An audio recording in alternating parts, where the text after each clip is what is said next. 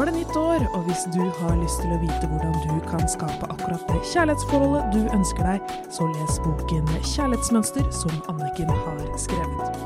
Boken Kjærlighetsmønster gir deg masse nyttig informasjon og praktiske oppgaver, slik at du kan skape det kjærlighetslivet du drømmer om. Hei og velkommen til Kjærlighetsmønster her i studio med Irene Hesling og Anniken Lien Mathisen.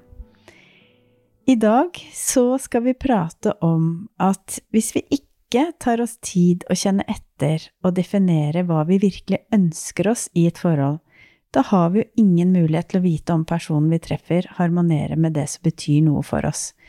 Derfor er det veldig, veldig viktig å sette ord på hva er det jeg innerst inne ønsker meg, hva slags kjærlighetsforhold er det jeg virkelig vil ha. Og jeg har noen spørsmål til deg på det, men mm, det hjelper alltid å bare bruke bitte lite grann tid, og bruke bare et minutt på å komme seg inn i kroppen, for da er det så mye lettere å kjenne etter og få disse svarene som er så viktige for oss. Så tusen takk, Irene, for at du gir oss en mulighet til å komme ordentlig godt kontakt med vår egen kropp. Mm, tusen takk for at jeg kan. Så jeg inviterer deg som hører på nå, til å lukke øynene hvis du har mulighet, og kjenne på underlaget som du sitter på eller står på. Trekke oppmerksomheten din tilbake til deg selv på innpustet. Kjenne at på innpustet så kommer du inn i kroppen din. Og på utpustet lander tyngre ned mot underlaget. Og siste innpustet kan gi deg selv et lite smil. Og på utpustet kjenne at du er hjemme i kroppen din. Nå skal jeg stille deg noen spørsmål som vil hjelpe deg til å sette ord på det du innerst inne ønsker deg. Hva er det jeg virkelig lengter etter å oppleve i et kjærlighetsforhold? Kjenn etter i hele kroppen din.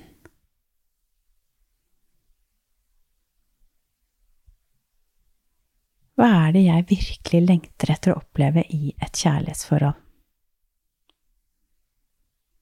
Og så, hva trenger jeg for å være lykkelig i et forhold? Hva er det viktigste for meg i en kjærlighetsrelasjon? Så kommer neste. Hva er det jeg ikke vil oppleve mer av i et forhold? Dette er veldig viktig å være bevisst. Hvilken oppfatning har jeg av meg selv som gjør at jeg ikke har fått til det parforholdet jeg ønsker meg enda? Kjenn etter i kroppen. Hvilken historie forteller jeg meg selv om hvordan jeg tror en partner ser meg? Og til slutt, hvilken historie forteller jeg meg selv når det gjelder kjærlighetslivet mitt?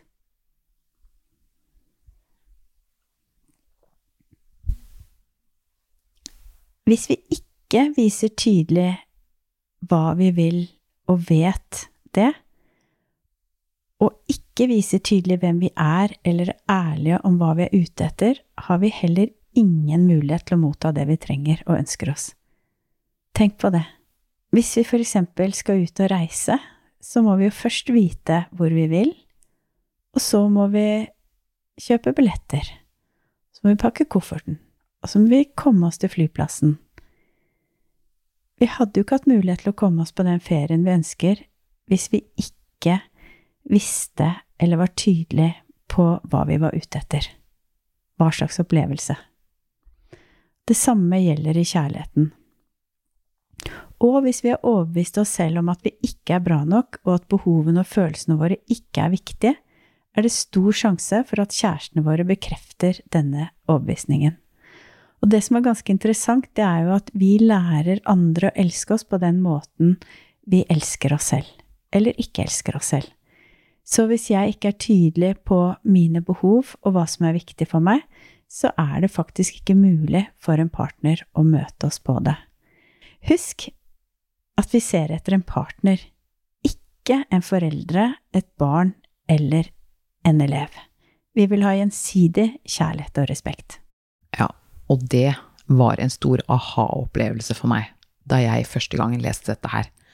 Og så gjorde jeg meg noen refleksjoner på mine forhold, og jeg kan telle på én hånd de gangene jeg faktisk har vært sammen med en partner, og hvordan jeg har tiltrukket meg menn som jeg så på som elev, hvor jeg var en lærer.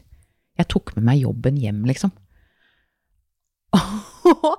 og det er klart at det er ikke noe passion med en elev. Det blir ikke noe næring for meg i det. Det ser jeg ofte med mine klienter, særlig de som sliter i parforholdet og ikke har noe lyst på sex eller intimitet lenger. Og det, når vi har jobbet med det, ser veldig tydelig, er jo at de har omsorgsrollen. De tar foreldrerollen for partneren sin. Og det er jo veldig vanskelig å kombinere det å ha lyst på å kjenne lidenskap og forelskelse.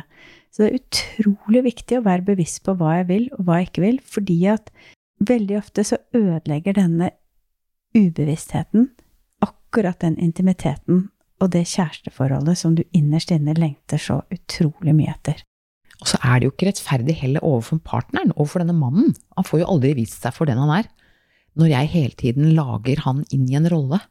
Så det, det der er superviktig og har vært helt avgjørende for meg i forhold til hvordan jeg nå skal, faktisk skal velge en partner.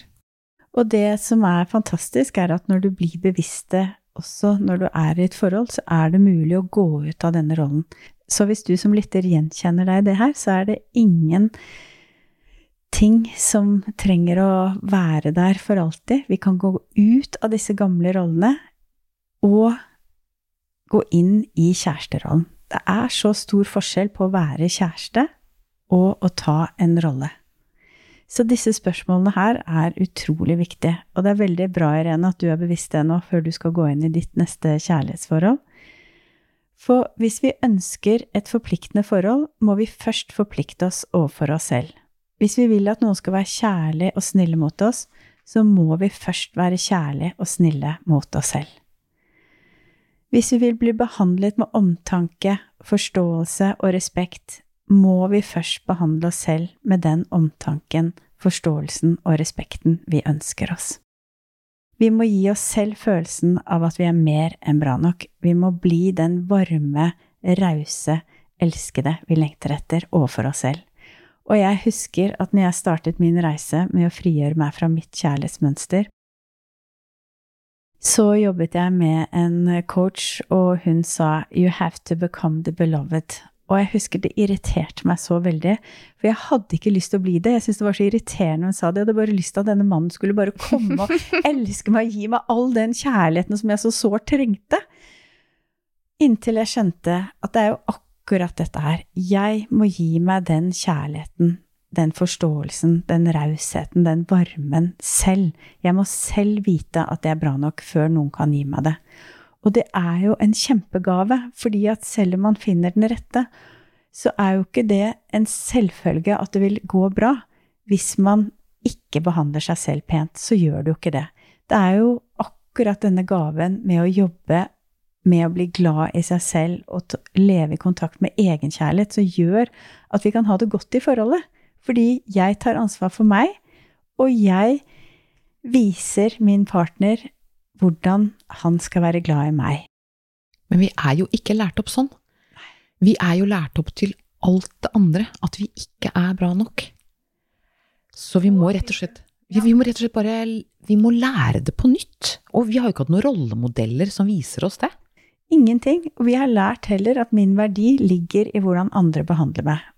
Men det vet jeg gjennom dette arbeidet som coach med å hjelpe kvinner og menn til å skape det kjærlighetsforholdet de vil ha, at de fleste av oss har ikke denne opplæringen. Vi har lært det motsatte. Så det å kjenne etter og behandle oss selv og være den rause, elskede vi lengter etter mot oss selv, det er kjempeviktig, og det skjønner man når man kommer dit. Fordi det er jo kun når jeg kjenner på kjærlighet, at jeg kan motta kjærlighet, og jeg kan gi kjærlighet.